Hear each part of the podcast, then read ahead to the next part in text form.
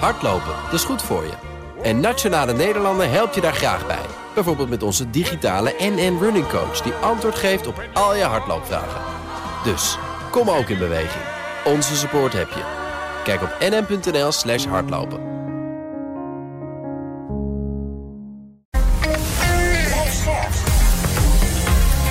BNR Nieuwsradio. De wereld. Bernard Hammelburg. Welkom bij het beste binnenlandse programma over het buitenland. Straks, de demonstraties in Iran blijven maar doorgaan en nemen eerder in felheid toe dan af. Dat bespreek ik met Sander Terphuis, Iraans mensenrechtenverdediger, jurist en zelf afkomstig uit Iran. Maar nu eerst, wat president Zelensky betreft, is de herovering van Gerson nog maar het begin van de bevrijding van de rest van Oekraïne. We are step by step coming to our country, to all the temporary occupied territories. This war to the best heroes of our country. And so that's why we are moving forward. We're ready for peace, but our peace for our country. Ik uh, hoor Zelensky in het uh, Engels, dat is ook bijzonder. We praten erover met uh, militair historicus Chris Klep. We beginnen even met de stand van zaken aan het front. te beginnen in Gerson, dat, dat is nu weer in Oekraïnse handen. Kwam dat voor jou als een verrassing? Nee, dat kwam uh, helemaal niet als een verrassing. Ook als je simpelweg naar de kaart kijkt. Uh, en de Dnieper-rivier loopt daar richting uh, de Zwarte Zee. Ja, het was voor de Russen eigenlijk terugtrekken of vernietigd worden. Het was eigenlijk meer een kwestie van hoe lang dat zou gaan duren dan dat het zou gebeuren. Dus helemaal verbazen doet het me niet. Nee, er waren allerlei suggesties dat het vol zou liggen met booby traps. En daar hebben we eigenlijk niet zoveel meer van gehoord. Is, is, is er zand in onze ogen gestrooid? Nou, dat zou dan helemaal passen in de Russische traditie van wat ze zo mooi noemen maskirovka. Hè? Alles uh, verbergen, liegen, bedriegen, de waarheid uh, verbergen. Ja, en ze hebben nu natuurlijk gewoon, eh, de Russen hebben natuurlijk gesuggereerd dat het hele gebied eigenlijk ontoegankelijk is. Ja, en dan zie je toch weer beelden van Oekraïnse troepen die gewoon min of meer vrijelijk door dat gebied heen lopen. Ik denk dat er weer aardig met zand gestrooid is door de Russen in dit geval, ja, klopt. Ja.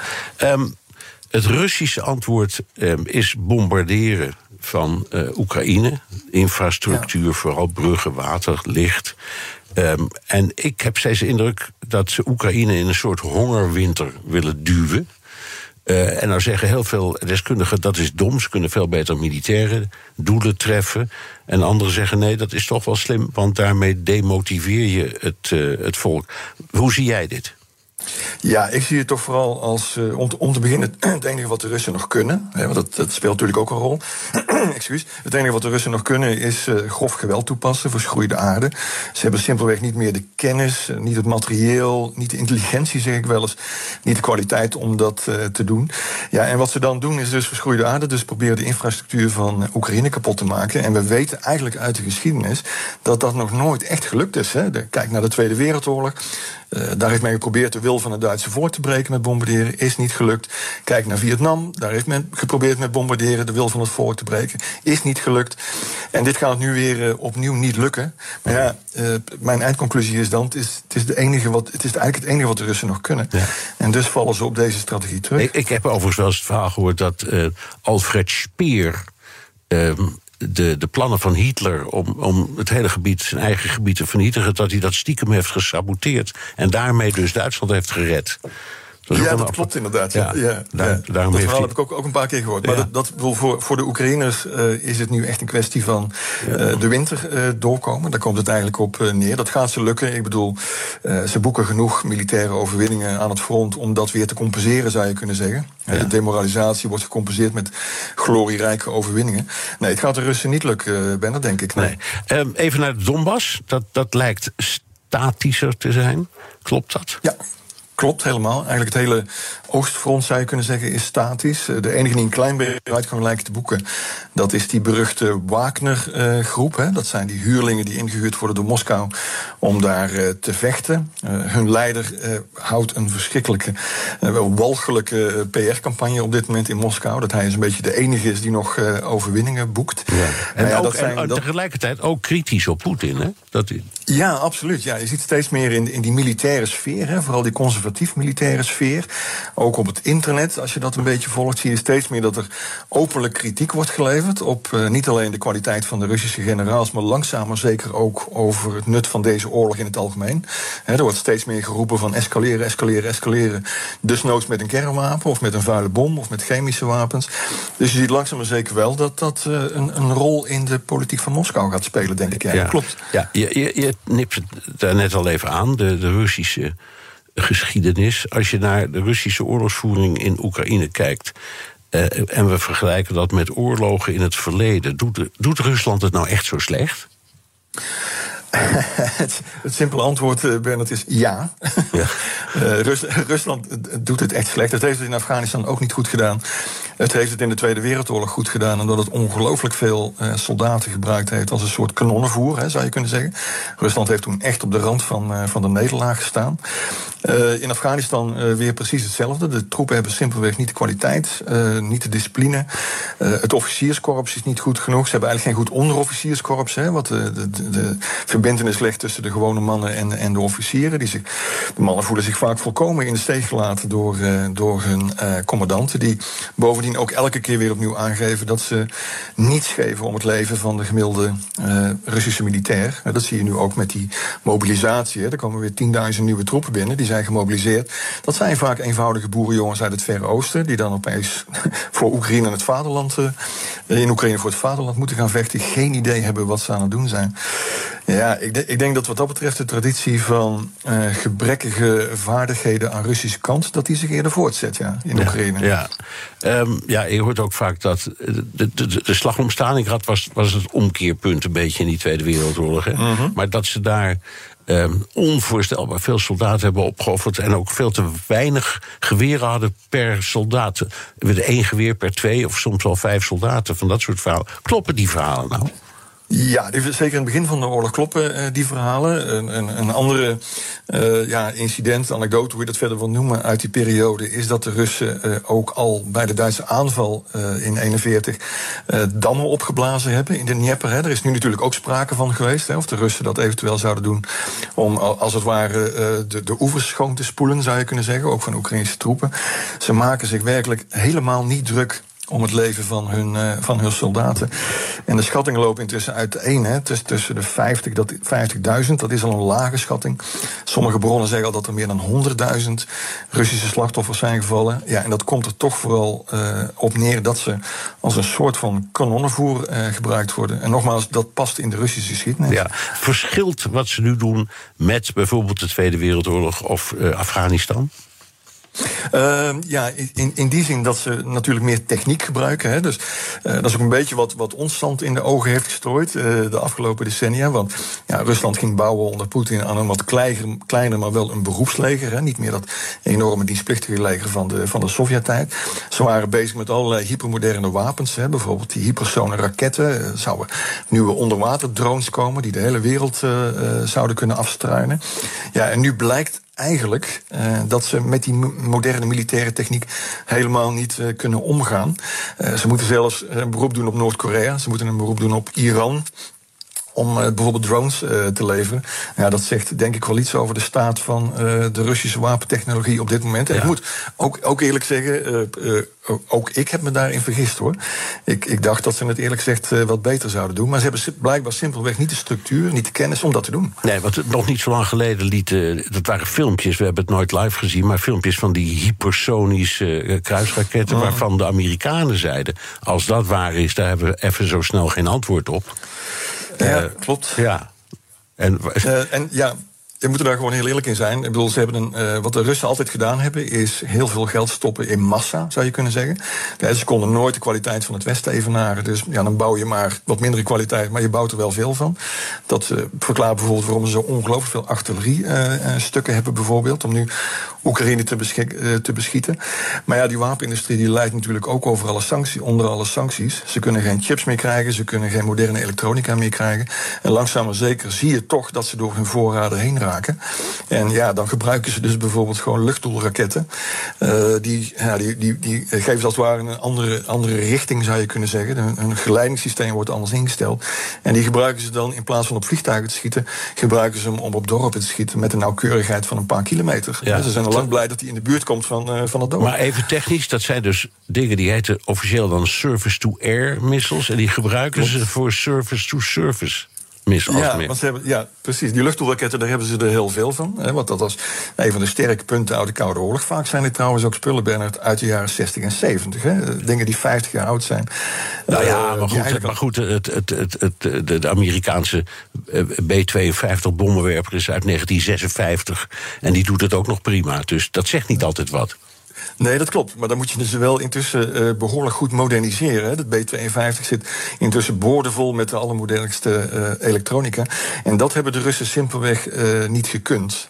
sterker nog, het lijkt erop dat ze heel veel van hun hele bruikbare technici en technische kennis gestopt hebben in projecten die eigenlijk op het slagveld niet zo heel veel uitmaken. Zoals bijvoorbeeld die hypersone raket. Want je, je hebt daar niet zo heel veel aan als je tegen Oekraïne vecht. Dat is echt een koude oorlogswapen, zou je kunnen zeggen. Kortom, ze hebben eigenlijk uh, blijkt nu de afgelopen decennia de verkeerde keuzes gemaakt. Uh, daar, zou, dat, daar komt het op neer. Nog even het woord winter, dat valt dan steeds. Uh, ja. ja. Uh, en de Russen weten ook wat winter is. En de Oekraïners weten ook wat winter is. maakt dat nou zoveel uit? Nou, voor een, ook een modern leger zal last hebben uh, van, van zeker modder en, en, en kou. Natuurlijk speelt dat een rol. Maar een moderne leger, en het Oekraïnse leger, is intussen best wel uh, gemoderniseerd uh, door het Westen.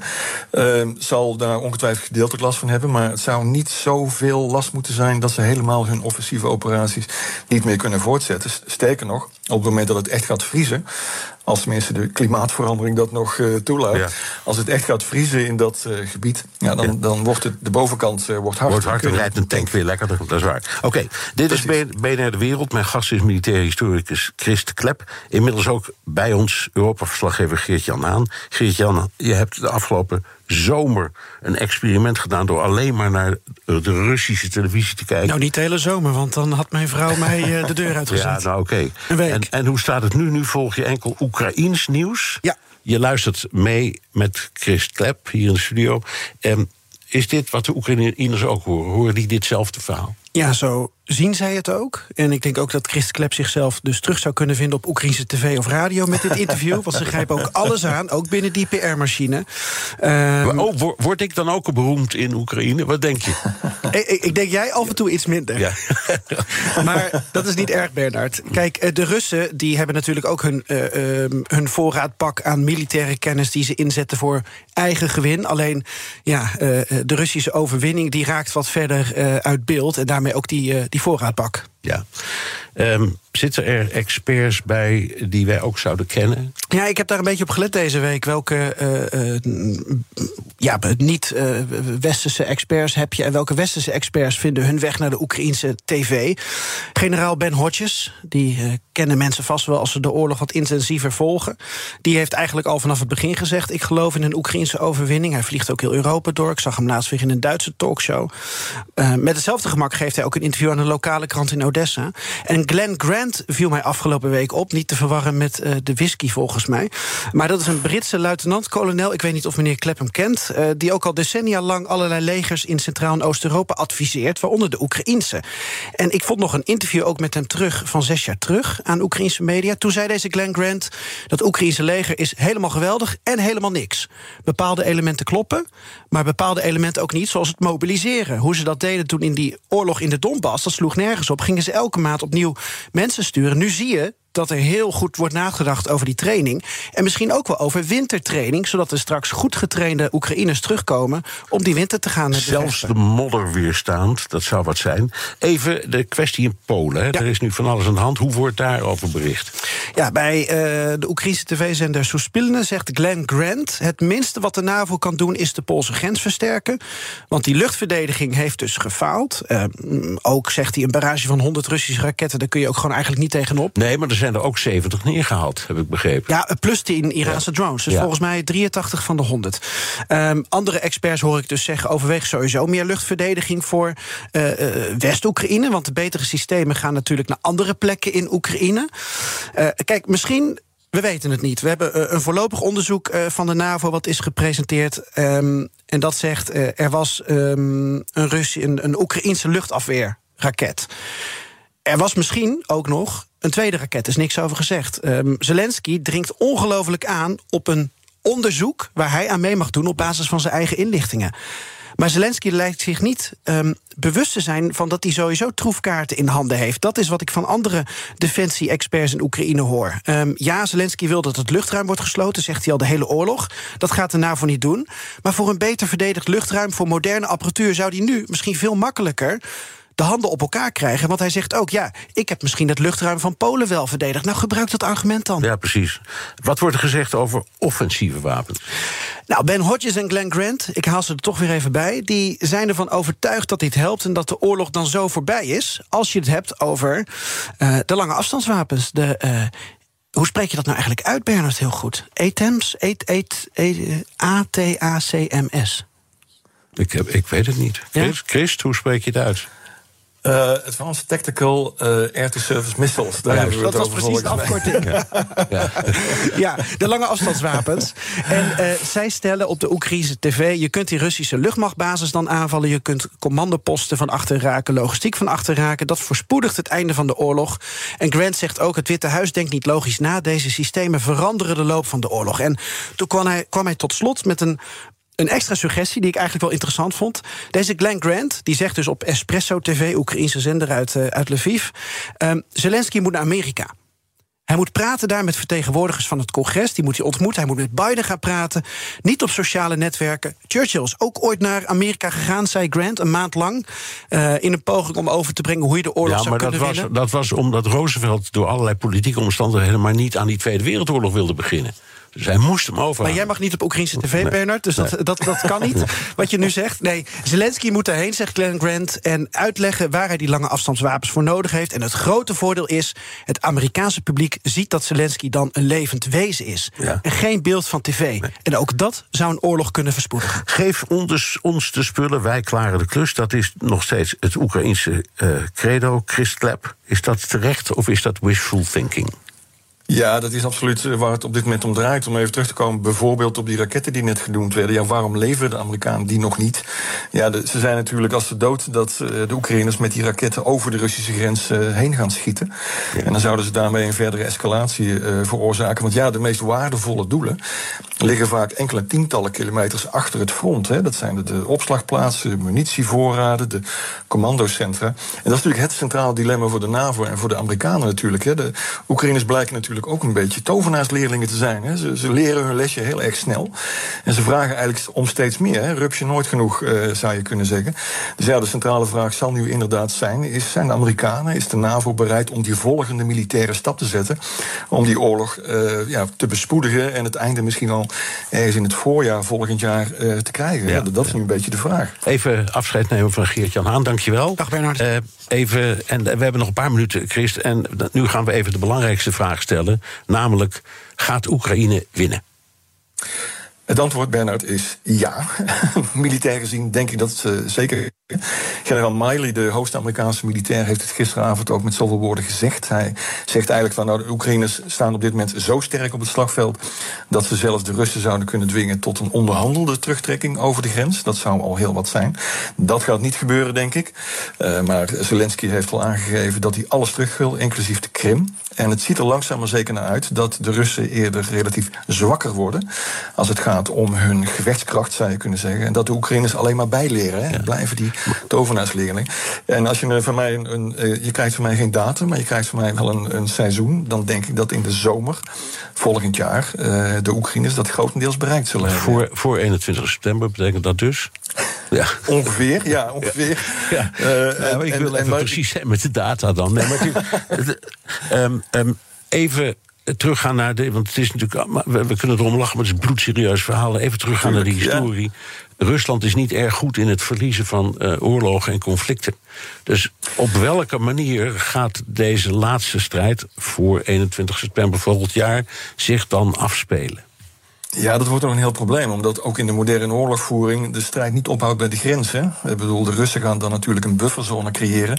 Ze kunnen met hun artillerie en met hun raketten dan nog steeds uh, Oekraïne raken. Dus ja, gaan de Oekraïners dan ook over de grens die bufferzone uh, veilig stellen? Hè? Dat is maar één van de vragen uh, die speelt. En bovendien, ja, wat nu? gaat, gaat Oekraïne dan werken aan zijn eigen defensie? Dat, daar ziet het wel naar uit. Maar gaat het dan ook lid worden van de Europese Unie? Gaat het ook lid worden van de NAVO? Er zijn natuurlijk al wel uh, kringen in het Westen die daarvoor uh, pleiten. Dat dat misschien zelfs wel versneld zou kunnen. Ja. Degenen die voorzichtig zijn zeggen natuurlijk nee, ju juist nu niet met dat wespennest. Moet je dat doen. Maar ja, het eindresultaat is toch dat het wel eens zo zou kunnen zijn, Bernard, eind volgend jaar, dat, uh, dat we tot de conclusie komen dat de Russen geen bedreiging meer vormen voor de NAVO. Ja, dan gaan we toch het strategische plaatje, puzzel van Europa, gaan we anders invullen. Ja, dat, dat, begrijp ik. Maar ook als dit allemaal precies zo gebeurt, um, dan zal Rusland dat niet zonder slag of stoot doen. Wat zien we gebeuren aan Russische kant? Ja, ik denk dat de conservatieven in de komende maanden het meer voor het zeggen zullen gaan krijgen. En dat ook zullen dwingen uh, Poetin om verder te gaan met die oorlog. En nog meer mankracht uh, die kant op te sturen. Om in ieder geval een gedeelte van Oekraïne, politiek belangrijk, een gedeelte van Oekraïne, de Donbass bijvoorbeeld, te behouden. Dat gaat niet lukken, ja. En dan zal er een moment komen waarop de, de powers that be, de Silovki, de sterke mannen in uh, Rusland zeggen van ja, we moeten van Poetin af. Uh, zowel economisch, de economische kringen zullen dat zeggen, de militaire kringen zullen dat zeggen, de geheime dienst zal die conclusie waarschijnlijk ook trekken. En dan zou het zomaar eens kunnen zijn dat we volgend jaar van Poetin af zijn. En dan mogen we slechts hopen, mogen we slechts hopen op iemand die uh, minder agressief en minder nationalistisch ja, is. Maar dat is alleen maar een hoop. Maar voor de duidelijkheid, Poetin gaat vallen, dat is jouw voorspelling. En binnen een jaar zijn we af van deze oorlog. De, binnen een jaar zijn we af van deze oorlog, denk ik. En ik denk dat Poetin niet zozeer gaat vallen, maar dat hij uh, opeens uh, verdwijnt, zou je kunnen zeggen. En of naar een dasja gaat in het meest, uh, boerderijtje in het meest gunstige geval, of hij wordt simpelweg afgezet. Ja. Het zou me allemaal niets meer verbazen. Nee, of hij valt uit een raam, kan ook nog. Dat zou ook nog kunnen. ja. Dank, militair historicus Christ Klep. BNR Nieuwsradio. De wereld. Bernard Hammelburg. De demonstraties in Iran zijn sinds september op zijn hevigst en nog altijd bedaren de gemoederen niet.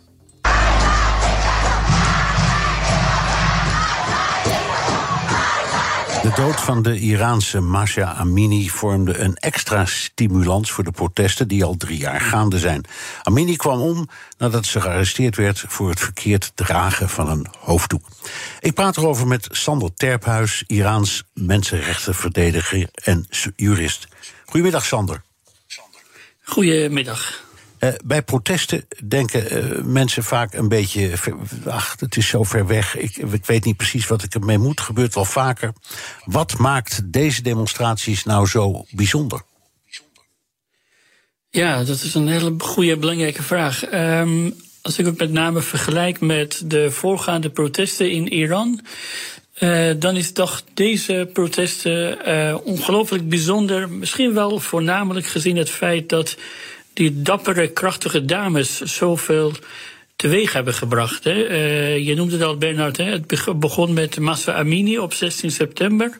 Dat de jonge dame van 22, hè, die uit het Koerdische deel naar Teheran kwam met ouders voor een paar dagen vakantie.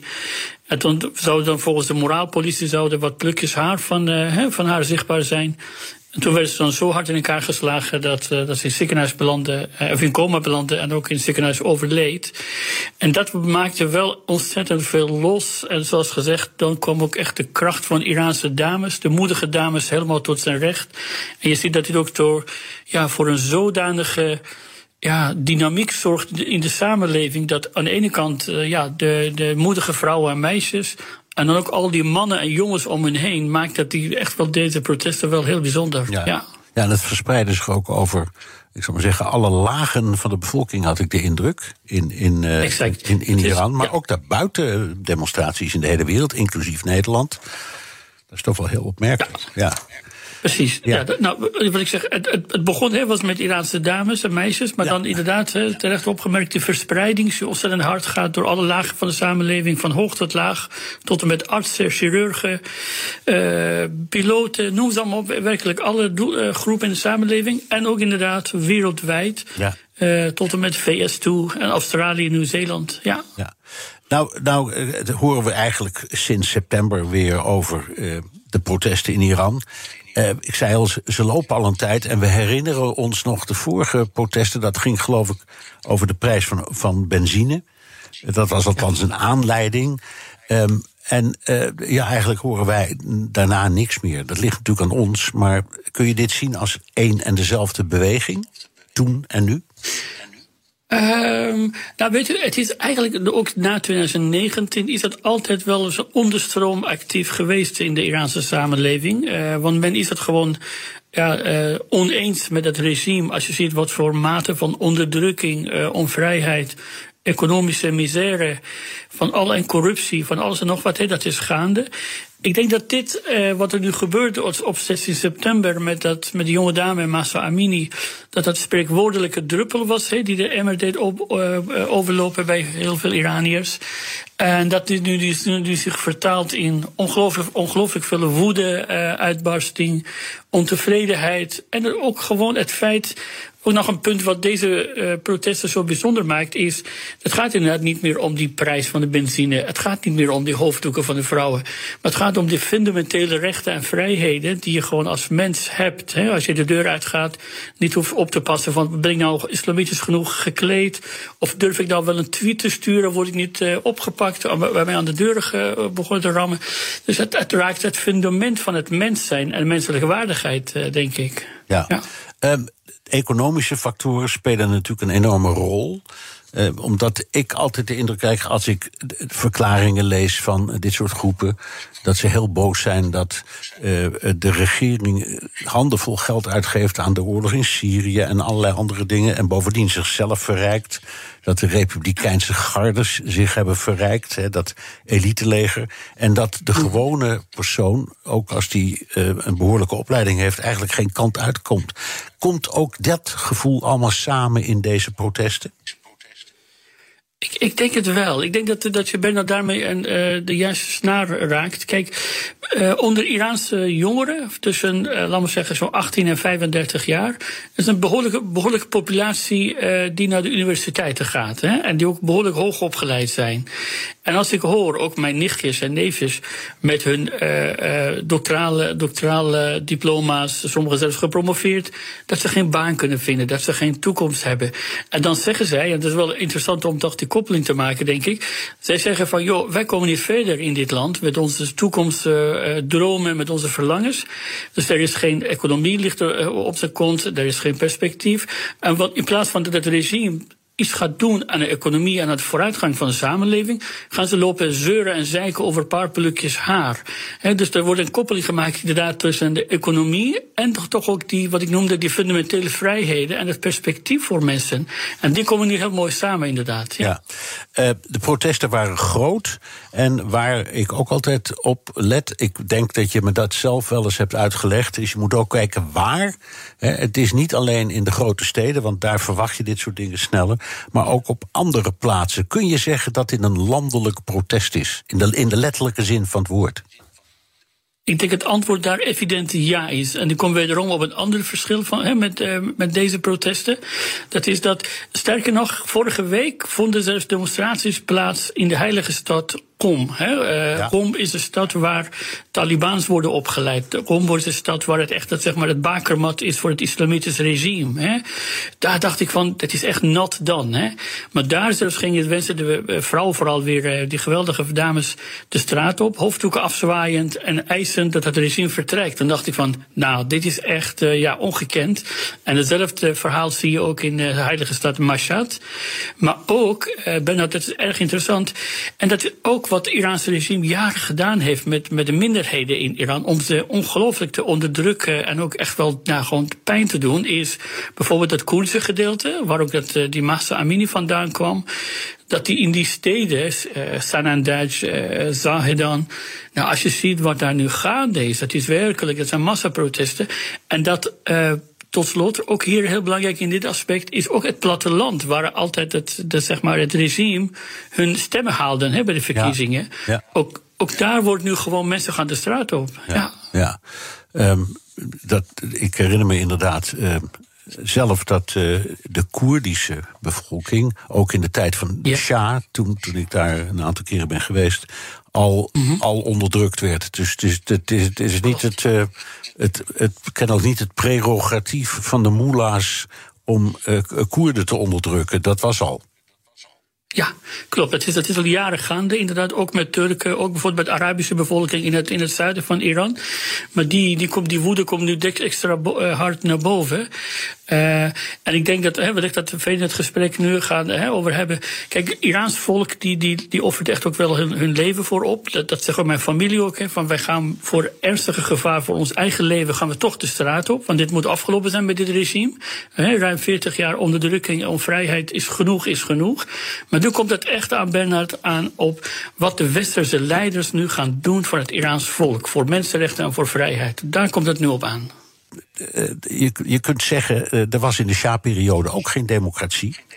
Uh, dus wat dat betreft, iedereen roept nu om... wij willen democratie, we willen af van de onderdrukking. Dat riepen ze toen ook. Nou, ik, ik, ik, ik, ik waardeer jouw historische kennis ook zeker van Perzië. Heel, dat hebben we wel eerder over gehad. Dat is ook terechte opmerking aan de ene kant. Want ook bijvoorbeeld de Shah had het geheime dienst van Savak. Hè? De Savak, nou. Die, ja, precies. Die was ook zeker niet geen uh, lievertje. Maar Bernard, het is wel iets veranderd. Kijk, de, vooral nu ook die protesten zie je dat de jonge bevolking, die, die, die zien het internet, die, die zien overal wat in de wereld, hoe het in de wereld gaande is. Je wil niet weten hoe snel bijvoorbeeld mijn neefjes en nichtjes berichten ontvangen. Toen, een paar dagen geleden, toen uh, uh, Joe Biden in de VS riep van dat hij het Iraanse volk gaat steunen en, dat het afgelopen moet zijn met het regime, toen kreeg ik een appje van mijn neefjes uit Teheran, die zei: Kijk, weet je, we worden ook nog zelfs gesteund door de, de, de, de leider van de, van de VS. Ja. Uh, dus zij zien hoe dat hier aan toe gaat. Ze zien hier de dames, de heren die ook. Ik, ik, ik, ik het, het, het, leidt mij even tot een belangrijke vraag die ik, uh, waar ik het vaak, vaak over nadenk. Wij denken ja. dat de oppositie in Iran automatisch pro-westers is. En ik denk eraan omdat jij nu dat je, je neefje citeert, die zo snel al wist dat zelfs de Amerikanen nu dit steunen. Kunnen we, mhm. kunnen we het omdraaien zeggen, gesteld nu dat het regime zou vallen en, en uh, de oppositie komt aan de macht, dan kunnen, we, dan kunnen we toch niet automatisch al uit afleiden dat dat pro-westers zou zijn? Uh, nee, kijk, dat is ook een lastige, een ander aspect uh, van, van dat. Stel dat inderdaad de revolutie slaagt. Want je ziet nu al Iraniërs onderling zitten ook een beetje, beetje met elkaar te, te vechten van wie grijpt de macht. Je, je, weet het, we hebben een aantal groeperingen, de Mujahideen, die, eh, die is helemaal niet zo pro-westers. We hebben de communisten, we hebben de pro-Shah-aanhang. Uh, uh, en ook zo wat. Um, maar ik denk, en misschien niet zozeer Bernard, het Westen aan zich, maar gewoon het feit, wat ik net zei, de mensheid, menselijke waardigheid. Ja. Dat je beseft van. Kijk, als ik bijvoorbeeld op mijn Facebook. Ik, ik, ik tweet wat ik wil tweeten, hè, dat is mag ik zeggen, een groot goed in dit land. Maar als ik bijvoorbeeld mijn, mijn neef hoor, die zegt: Ja, ik durf echt niet op mijn Instagram iets te zetten, want voor hetzelfde geld, en dat gebeurt nu steeds meer, Bernard. Als de mensen uh, uh, kritiek leveren via hun uh, social media, dan worden er werkelijk letterlijk hun deuren ingebracht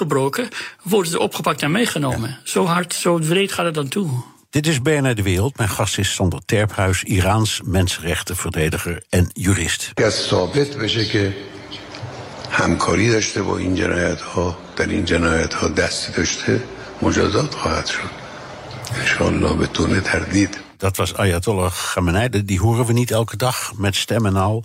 Die zegt dat iedereen die betrokken is bij deze misdaden... zonder twijfel gestraft gaat worden volgens Gods wil. Uh, Sander, de, de, deze, dit, de, deze regering is er sinds uh, de revolutie van uh, eh, 79... Hoe staat het nou met bijvoorbeeld de, de, de, steun in het parlement? Want er is een parlement, in andere instituties. Um, Is het niet zo dat ook daar uh, het gevoel begint te groeien dat je misschien, um, ja, dat, misschien, dat dit misschien niet de handigste oplossing is voor een land dat toch mee moet in de vaart der volkeren? Ja, goeie.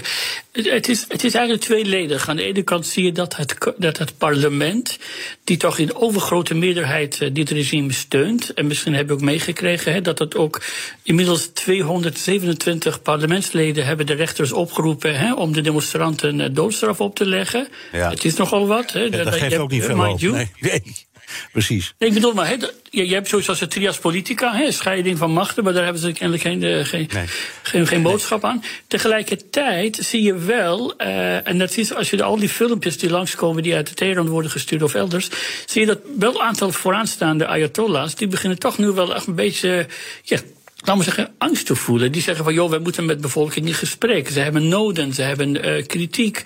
En er zijn nu ook wel echt wel bewijzen, heb ik gezien, dat er nou ja, bij uh, een aantal uh, topfunctionarissen, dat is ook van de revolutionaire garde, maar ook van de regeringszijde, dat er gezinnen, families worden uh, weggehaald. Die worden naar het buitenland gebracht. Althans, hè, voor het geval dat. Ik denk, het is niet zomaar. Het gebeurt echt niet zomaar. Een aantal landen worden ook met, heel specifiek genoemd waar die mensen naartoe reizen. Dus ja, er is wel degelijk angst. Of van god, dit kan nog ook wel echt wel heftig worden. Inmiddels uh, zitten we op dag 62 van protesten. Ja. En het feit, het is de fase 2 wat we nu ingaan met protesten, dat is namelijk uh, algehele stakingen. Er worden steeds meer gestaakt, de bazaars, de, de olieraffinaderijen, de staalfabrieken. Nou, als die stakingen doorgaan, dan is het, dan is het gewoon het regime dat wordt totaal verlamd. Ja. En dat is wat nu gaande is. Ik heb nog één hele korte vraag en hopelijk een heel kort antwoord, maar ik vind het wel belangrijk. Hoe staat het met jouw eigen familie? Lopen die gevaar? Uh, hebben die het moeilijk? Vertel. Dank voor de aandacht daarvoor. Ja, die, die, die voelen zich echt uh, best, wel, best wel beangstigd. Wat ik nog zeg, veel dingen, telefoons, wat we altijd gesprek met, elkaar hebben, soms vallen het uh, telefoongesprekken gewoon uh, eventjes weg en zo. Dat is allemaal beangstigd. Maar ook ben dat ook voor ons Iraanse diaspora in het buitenland. Ik vraag elke keer aandacht voor onze veiligheid. Want dat is echt een, echt een gevaarlijk ding. In Engelse geheime diensten hebben nu vastgesteld dat er gewoon Iraniërs in Londen bezig zijn om diaspora te kidnappen of, of te doden. Dus zo erg is dat wel bij dit regime. Ja, dus ook daarvoor graag aandacht van nou, mijn premier, onze premier. Van laat het alsjeblieft niet zo voorkomen dat dat Iraans misdadig regime ook hier uh, actief wordt en mensen uitschakelt. Ik, ik hoop dat we kunnen zeggen waarvan akte. Dank Sander Terphuis, Iraans mensenrechtenverdediger en jurist. Postma in Amerika. Tijd voor het Amerikaanse nieuws door de ogen van onze correspondent in Washington, Jan Postma. Jan, Trumps aankondiging werd zelfs op Fox News niet helemaal uitgezonden. Nee, en dat is belangrijk, want dat is natuurlijk de best bekeken zender. En we willen weten of Fox achter Trump blijft staan of niet. Er zijn wat signalen dat Rupert Murdoch, de grote baas, op dit moment niet achter Trump staat. Maar goed, even het beeld. De meeste zenders zonden het niet uit, maar CNN en Fox wel. En dit gebeurde, gebeurde na een half uur bij Fox News. Remember I sent to uh, Angela. Remember Angela? Do you remember Angela? Nobody's remembering her now. Right, just joining us, President Trump in Mar-a-Lago announcing his 2024 presidential run.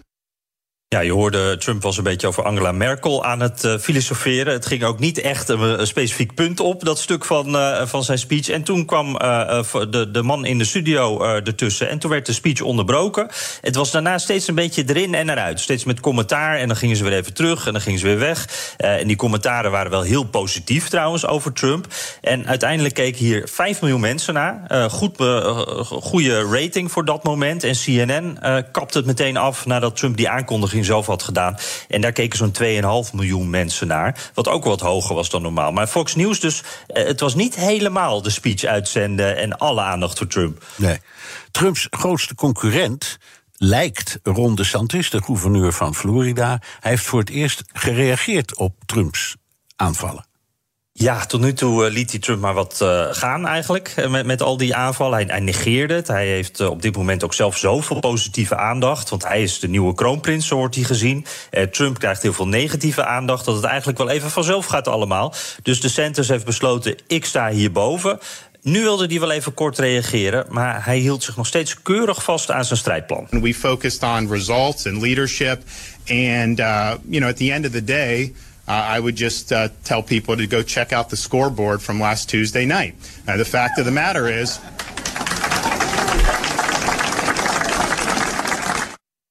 Ja, die fact of the matter maakt al niet eens meer uit. Uh, die historische, noemde hij het zelf, overwinning uh, van hem, herverkiezing in Florida. Uh, kijk naar het scorebord van dinsdag, dat is alles wat je hoeft te weten. Zegt hij. Een andere potentiële kandidaat die het ook van zich horen, Mike Pence, heeft een boek geschreven, doet heel veel interviews. En daarin wil hij eigenlijk Trump nog steeds niet echt afvallen. ondanks dat de achterban 6 januari natuurlijk Pence wilde ophangen. Maar voorzichtig zegt hij wel iets. Pence denkt dat er betere keuzes zijn in 2024 dan Trump. En dat is wel tot verrassing van de Fox-presentator. I honestly believe uh, that uh, we'll have better choices come 2024. You know, I, I don't think anybody better could choices than Donald Trump. Uh, I do. Ja, je hoorde de verbazing bij de presentator beter dan Trump. Uh, en dit is eigenlijk de hardste kritiek zo ongeveer die we gehoord hebben. Um, maar uh, ja, waar, waar DeSantis dus heel slim uh, stil blijft, houd je bij Pence toch een beetje gedachten bij zijn stilte. Zeg het nou gewoon, man. Durf Trump eens echt af te vallen naar wat hij heeft aangedaan. En ook zeker als je nog serieus kans wil maken om ook kandidaat te zijn in 2024. Want dat wil Pence wel. Ja, de uitslag van de gouverneursrace in Arizona die veroorzaakte op sociale media voor een moment van wraak voor twee Republikeinse vrouwen, gericht op een andere Republikeinse vrouw. Ja, en dat is wel interessant, want daar zie je dat schisma in die Republikeinse partij. Aan de ene kant Trumpisten, aan de andere kant de meer klassieke Republikeinen met die beroemde achternamen. Uh, in Arizona verloor Carrie Lake, hè, Trump on heels werd ze al genoemd, een election denier. Liz Cheney, die hielp mee Lake te verslaan. Die kennen we als prominente anti-Trump-Republikein natuurlijk, dochter van Dick Cheney. En zij liet dit spotje uitzenden in Arizona. I don't know that I have ever voted for a Democrat, but if I lived in Arizona, I absolutely would. You have a candidate for governor, Carrie Lake. You have a candidate for Secretary of State, Mark Fincham, both of whom have said that they will only honor the results of an election if they agree with it. And if you care about the survival of our republic, we cannot give people power who will not honor elections.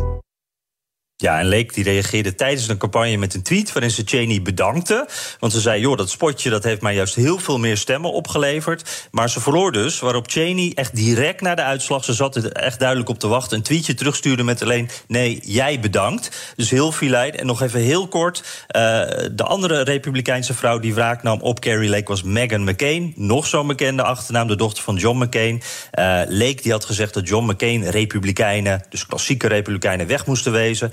Meghan McCain uh, tweette een foto van haar vader die zijn duim opsteekt. Met een foto van Carrie Lake erbij met alleen het woord loser. Dus twee beroemde establishmentnamen die wraak nemen op een Trumpist. En van die Trumpistische aanvallen zijn we voorlopig nog niet af, Bernard. Dank, Jan Prosma, correspondent in Washington. Wilt u meer horen over dat fascinerende land? Luister dan naar de Amerika-podcast van Jan en mij. Sorry. Tot zover BNR De Wereld. Terugluisteren kan via de site, de app, Spotify of pod Apple Podcast. Reageren kan via mailtje naar dewereld.bnr.nl. Tot volgende week. Business Booster. Hey ondernemer, KPN heeft nu Business Boosters. Deals die jouw bedrijf echt vooruit helpen. Zoals nu, zakelijk tv en internet, inclusief narrowcasting... de eerste 9 maanden voor maar 30 euro per maand. Beleef het EK samen met je klanten in de hoogste kwaliteit. Kijk op kpn.com businessbooster. Business Booster.